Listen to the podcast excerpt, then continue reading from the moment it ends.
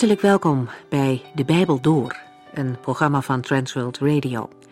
De Bijbel Door is een radioserie die u in vijf jaar meeneemt door de hele Bijbel. Van Genesis 1 tot Openbaring 22.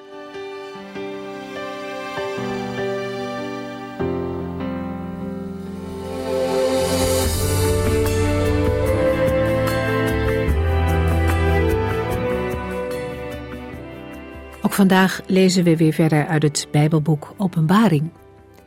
Hoofdstuk 16 gaat over de laatste serie van zeven oordelen die door de engelen worden uitgevoerd. De vorige keer hebben we nagedacht over de zevende engel.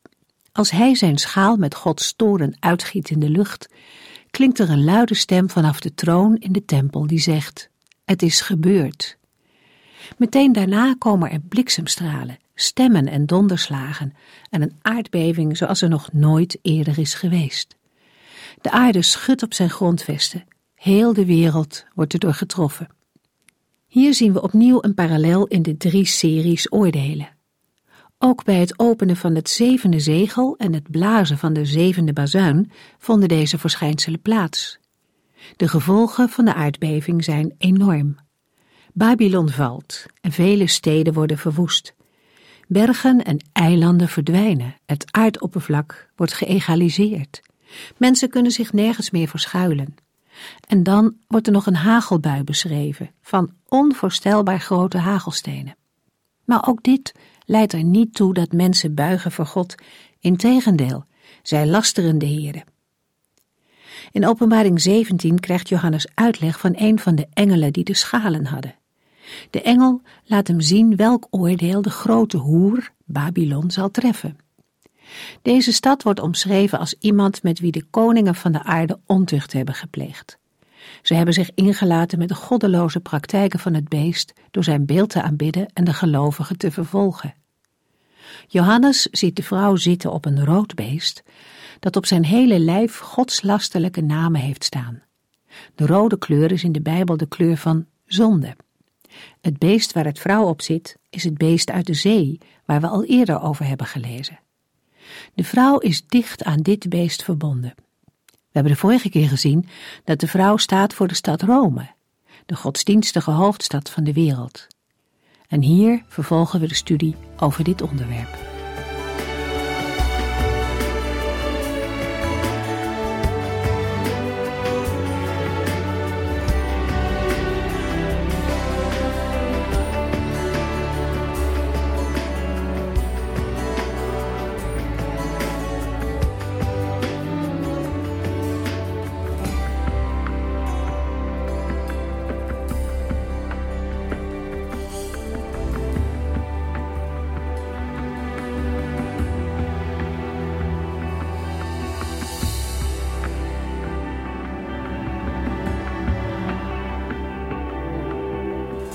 Deze uitzending lezen we verder in Openbaring 17 en wel het zesde vers.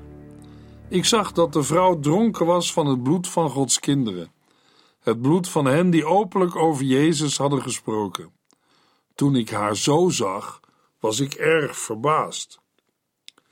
De hoer is dronken van het bloed van de martelaren.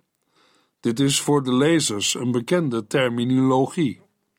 Veelal wordt aangenomen dat het hier om één en dezelfde groep martelaren gaat en dat het bloed van Gods kinderen en het bloed van hen die openlijk over Jezus hadden gesproken, wijst op de vervolging van de christelijke gemeente in de eindtijd.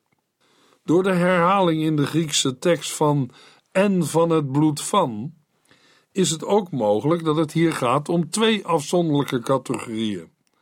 In het Grieks lezen we namelijk de heiligen en de getuigen van Jezus. We kunnen dan denken aan Gods kinderen en een bijzondere groep daaruit, namelijk de profeten. We lezen in Openbaring 16, vers 6: Nu krijgen de mensen die het bloed van uw kinderen en profeten vergoten hebben, bloed te drinken.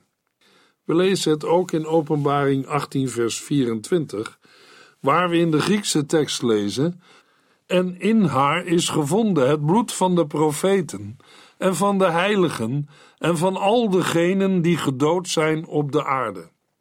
Bij de woorden toen ik haar zo zag, was ik erg verbaasd. Moeten we denken aan wat Daniel overkwam toen hij het visioen van de ram en de geitenbok had gezien. We lezen het in Daniel 8, vers 27. Toen was ik uitgeput en lag enige dagen ziek op bed. Daarna stond ik op en hervatte mij dienst bij de koning. Ik was verbijsterd over het visioen, maar kon er met niemand over spreken. In Openbaring 17 lezen we dat Johannes bij het zien van dit gruwelijke tafereel erg verbaasd was. In andere Bijbelvertalingen lezen we het woord ontzet, wat dichter in de buurt komt van de verbijstering van Daniel. Openbaring 17, vers 7. Waarom bent u zo verbaasd? vroeg de engel mij. Ik zal u vertellen wie die vrouw is en wat de betekenis is van het beest waarop zij zit. Het beest met de zeven koppen en de tien horens. De verbazing van Johannes is aanleiding voor de engel om de uitleg van het visioen te geven. In de versen 7 tot en met 18 worden de belangrijkste elementen van het beeld aan Johannes uitgelegd. In het Grieks telkens ingeleid met dezelfde woorden. Het beest dat u zag, de tien horens die u zag, de waterwegen die u zag, de vrouw die u zag. Het woord geheimenis komt viermaal voor in de Griekse tekst van het Bijbelboek Openbaring. Het gaat daarbij om een verborgenheid die niet gekend kan worden zonder uitleg. Met betrekking tot de betekenis van de beelden in een visioen, die zonder uitleg onbekend zouden blijven, vinden we in het Oude Testament voorbeelden in het Bijbelboek Daniel. Openbaring 17, vers 8. Het beest dat u zag was er ooit, maar is er nu niet meer. Het zal uit de onderwereld omhoog komen en zijn ondergang tegemoet gaan. De bewoners van de aarde die niet in het levensboek zijn ingeschreven, zullen zich erover verbazen dat het beest dat er vroeger was en nu niet meer is, maar straks weer zal komen. De typering van het beest uit de onderwereld of de afgrond, als een wezen dat er ooit was, maar er nu niet meer is, is een duidelijke parodie op de aanduiding van de Heere God als degene die is en die was en die komt. En op Christus als degene die dood geweest is, maar nu leeft. De aanduiding beest kennen we al uit de beschrijving van de antigoddelijke macht in Openbaring 13. De aanduiding typeert deze macht in eerste instantie als een antichristelijk rijk. Bij het beest dat was, kunnen we afhankelijk van de uitleg van vers 10 denken aan het rijk van Antiochus Epiphanes of aan het Romeinse rijk onder Nero. Dat het beest er nu niet meer is, geeft aan, hoewel de gemeente van Christus ten tijde van Johannes wreed werd vervolgd, de uiteindelijke manifestatie van het antichristelijk rijk nog moet komen. De vervolgingen die de christengemeenten van Johannes ondergaan, zijn nog maar het voorspel van wat komen gaat. De komst van de antichrist is nog aanstaande. Hij zal als de achtste kop en koning uit de onderwereld omhoog komen. Maar hoe dreigend de toekomst er ook uitziet, het staat vast dat er een einde zal komen aan de terreur van het kwade. Het beest zal zijn ondergang tegemoet gaan. Net als in Openbaring 13 slaan de bewoners van de aarde, dat wil zeggen degene die niet in het levensboek zijn ingeschreven, het optreden van het beest met verbazing gade. Openbaring 17, vers 9. Het vereist wijsheid en inzicht om dit te begrijpen. De zeven koppen van het beest zijn de zeven bergen waar de vrouw op zit. Ook zijn het zeven koningen. Net als in Openbaring 13, vers 18 gaat de uitleg van het visioen gepaard met een mededeling omtrent de mogelijkheid om de betekenis van het visioen te ontdekken. Hoewel de betekenis ervan niet onmiddellijk zonneklaar is, is deze uiteindelijk wel toegankelijk voor wie wijsheid, dat wil zeggen Gods wijsheid, ontvangt. Het vereist wijsheid en inzicht om dit te begrijpen. En die wijsheid kan alleen de Heere geven. Er wordt in de versen 9 en 10 een dubbele verklaring gegeven van de zeven koppen, wat op zichzelf niet ongebruikelijk is in apocalyptische visioenen. In de eerste plaats zijn de zeven koppen van het beest zeven bergen, waarop de vrouw, de stad Rome, is gezeten. Rome was gebouwd op zeven heuvelen en de stad is in de Romeinse literatuur dan ook spreekwoordelijk de stad van de zeven heuvelen of bergen. Het oudste deel van Rome werd het Zevenbergengebied genoemd. Ten tijde van keizer Vespasianus waren er munten in omloop waarop de Romeinse godin Roma op zeven heuvelen stond afgebeeld. Een lezer of hoorder in de eerste eeuw kan de toespeling op Rome niet hebben gemist. In de karakterisering van de zeven koppen als zeven bergen en de duidelijke hint die daarmee gegeven wordt, blijkt opnieuw dat de eerste en essentiële typering van het beest een wereldmacht betreft. Nu de lezers en hoorders eenmaal op het spoor van Rome zijn gezet, volgt een tweede verklaring van de zeven koppen. Ook zijn het zeven koningen. Openbaring 17, vers 10. Vijf van hen zijn gevallen. De zesde is nu aan het bewind, en de zevende moet nog komen. Maar zijn regering zal niet lang duren. We hebben in vers 9 tot en met 11 een lijst van acht chronologische opeenvolgende koningen. De eerste vijf behoren tot het verleden. We lazen: vijf van hen zijn gevallen. De zesde is op het moment dat Johannes deze woorden neerschrijft aan de macht, want we lezen: de zesde is nu aan het bewind. De zevende en de achtste zijn vanuit het perspectief van Johannes nog toekomstige heersers, waarbij de achtste, het beest, de antichrist, een soort reïncarnatie is van een van de zeven voorgaande koningen. De strekking van deze verklaring is wel duidelijk. Levend ten tijde van de zesde koning ligt een groot deel van de gebeurtenissen die beschreven worden in het verleden en is de regering van de achtste nabij. De zevende moet, omdat God dat zo heeft bepaald, maar kort regeren. Zijn rol is gering en hij vormt alleen een schakel in de loop van de gebeurtenissen. Het gaat uiteindelijk om de manifestatie van de achtste koning, de regering van de antichrist. En de achtste koning laat niet lang meer op zich wachten. Een preciezere uitleg van deze verse wordt bemoeilijkt door de vraag wie of wat met de koningen bedoeld zijn en of de genoemde aantallen letterlijk of symbolisch moeten worden opgevat. Wordt koningen in de strikt letterlijke zin van het woord gebruikt, dan kunnen we denken aan een aantal opeenvolgende Romeinse keizers, waarbij de zesde koning op het moment van schrijven regeert. Het woord koning was ten tijde van het Nieuwe Testament een gangbare aanduiding van de keizer.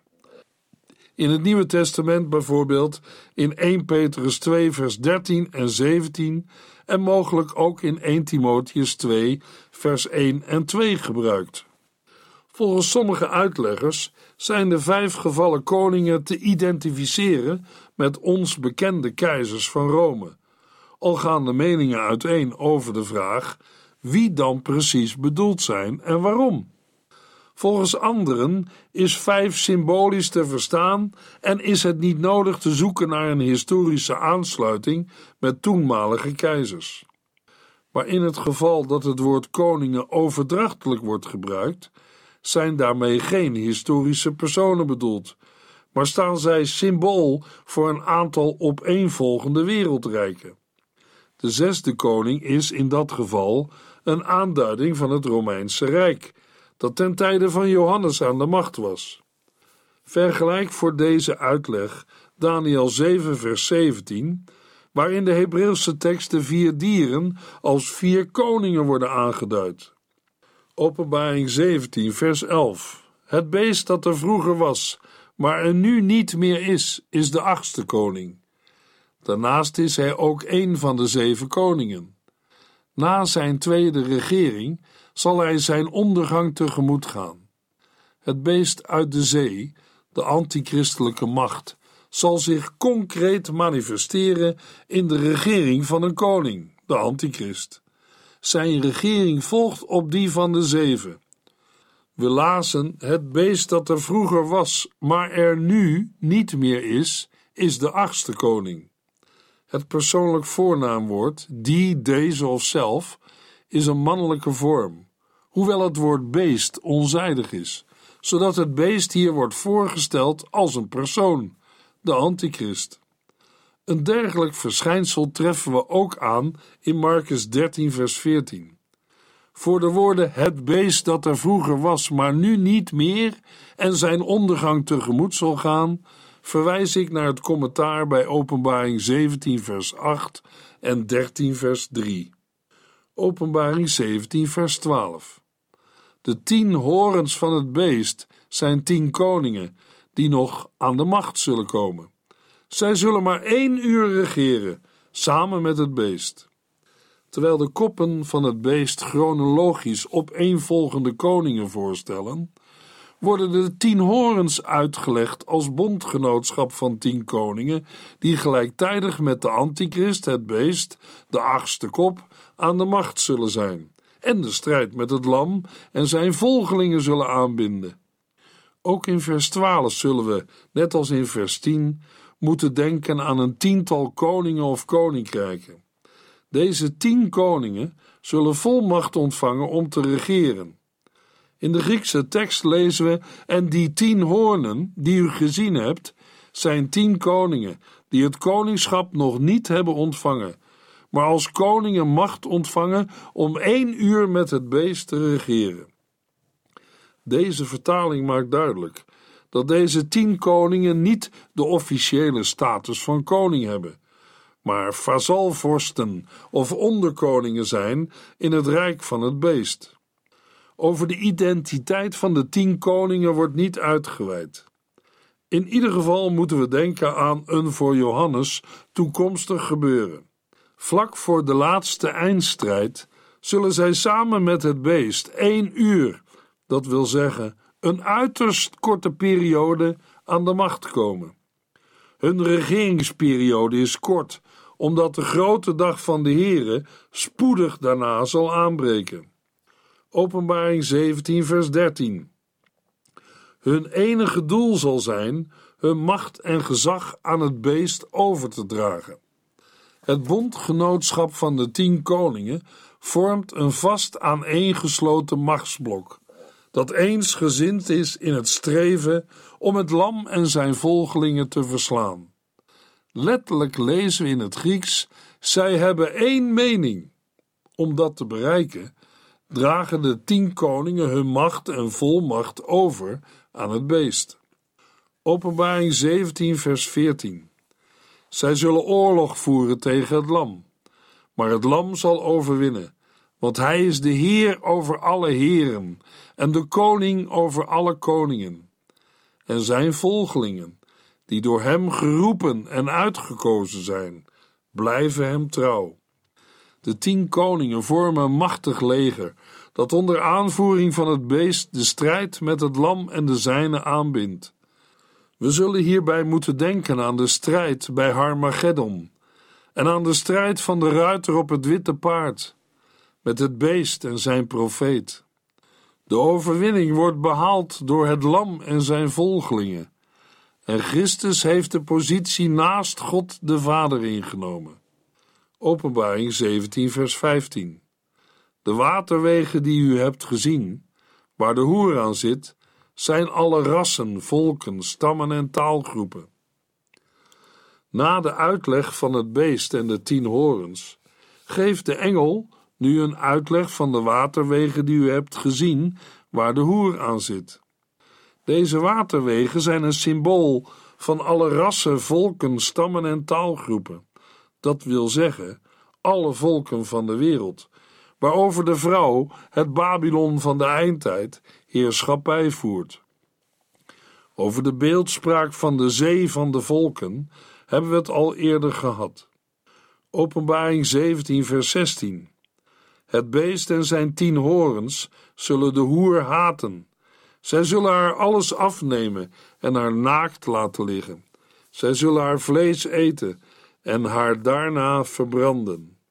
Er komt een onverwacht einde aan de macht van de hoer, doordat de tien koningen en de antichrist, aanvankelijk haar medestanders, zich tegen haar keren en haar te gronden richten. Zij zullen haar alles afnemen en haar naakt laten liggen. Zij zullen haar vlees eten en haar daarna verbranden. Dit wil concreet zeggen dat het beest en zijn tien horens van de stad een woestenij zullen maken. De muren zullen neerhalen, zodat zij naakt blijft liggen en alle bescherming weg is. Zij zullen haar vlees eten, dat wil zeggen, de inwoners van de stad zullen worden afgeslacht. Ten slotte zullen ze de stad met vuur verbranden, zoals keizer Nero de stad Rome in der tijd in brand heeft gezet. Aangezien het bij de hoer niet alleen om een stad gaat, maar ook om haar inwoners, om een volk, wordt hier een burgeroorlog geschilderd tussen het beest en de tien koningen enerzijds en de hoofdstad van het rijk anderzijds. Het antichristelijke rijk van de eindtijd raakt verdeeld. De profeten in het Oude Testament voorzagen al een eschatologische situatie van chaos onder de vijanden van God, als alle betrokkenen het zwaard tegen elkaar oppakken. Openbaring 17, vers 17. Want God heeft hun het verlangen gegeven samen te werken en hun koninkrijk aan het beest te geven, totdat de woorden van God uitkomen. Daarmee vervullen zij, zonder het te weten, Gods plan. De eensgezindheid waarmee de tien koningen hun volmacht aan het beest overdragen, is iets dat God in hen heeft bewerkt voor zijn doel. God heeft hun het verlangen gegeven samen te werken en hun koninkrijk aan het beest te geven. In een andere Bijbelvertaling lezen we in vers 17: Want God heeft in hun hart gegeven zijn zin te volbrengen, en dit eensgezind te doen, en hun koningschap aan het beest te geven, totdat de woorden Gods zullen voleindigd zijn. De woorden Gods betekenen in dit verband totdat de profetieën met betrekking tot de val van Babylon voleindigd zijn. Of zoals we in het boek lezen, totdat de woorden van God uitkomen. Direct volgt daarop, daarmee vervullen zij zonder het te weten Gods plan. Openbaring 17, vers 18. De vrouw die u zag, is de grote stad die de koningen van de aarde in haar macht heeft. Ten slotte volgt, ten overvloede, de nadere uitleg van de vrouw en wordt haar identiteit onthuld. Het is de grote stad die het koningschap heeft over de koningen van de aarde, namelijk in het spraakgebruik van het Bijbelboek Openbaring, Babylon, wat een schuilnaam is voor de stad Rome.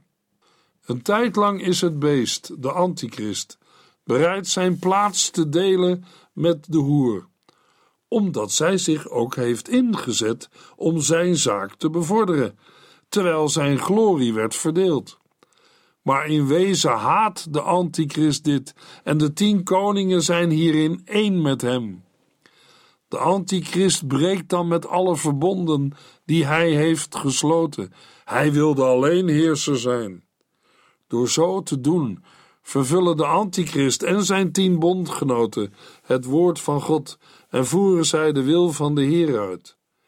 Zoals ook Assur deed wat door de Heere bij monden van de profeet Jezaja was voorzegd.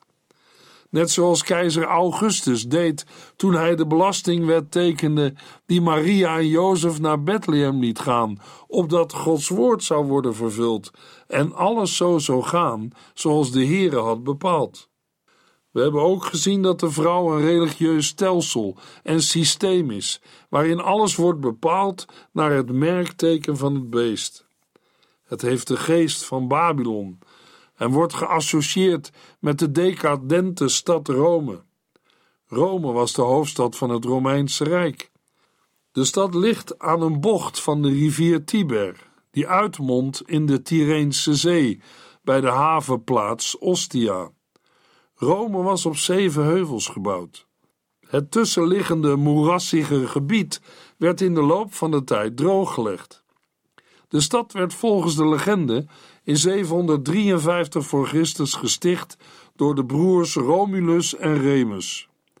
Van 753 tot en met 510 voor Christus vormde Rome met het omringende Latium een klein koninkrijk. Daarna werd het een republiek, geregeerd door een senaat van edele burgers, die de uitvoerende macht steeds voor een termijn van één jaar overdroegen aan door hen benoemde magistraten, de consuls en de onder hen staande ambtenaren. De grootste gebiedsuitbreidingen vonden plaats in de tweede eeuw voor Christus. Vanaf het jaar 27 voor Christus werden Rome en de haar onderworpen gebieden door één man bestuurd, Octavianus, die ook Augustus, de eerbiedwaardige, of Caesar werd genoemd. Deze krachtige heerser liet de republikeinse instellingen bestaan, maar trok geleidelijk alle macht naar zich toe. Augustus regeerde tot het jaar 14 na Christus en werd opgevolgd door zijn geadopteerde zoon Tiberius. Onder Tiberius kreeg het Romeinse bewind een steeds grimmiger aanzien, een situatie die verslechterde tijdens het bestuur van Caligula. Dankzij keizer Claudius herstelde het rijk zich gedeeltelijk, maar in keizer Nero hadden de Romeinen een onberekenbare heerser, die onder andere vele christenen ter dood liet brengen. Na de moord op Nero in het jaar 68 na Christus kwamen onder andere de keizers Vespasianus, Titus, door zijn soldaten werd Jeruzalem verwoest, en de bloeddorstige Domitianus aan de macht. Tegenover het christendom nam het keizerlijk bestuur nu eens een afwijzende, dan weer een tolerante houding aan. Uiteindelijk werd in het jaar 313 na Christus het christendom als begunstigde godsdienst erkend en onder keizer Theodosius tot staatsgodsdienst gemaakt. Het heidendom werd verboden. In de volgende uitzending gaan we lezen in Openbaring 18.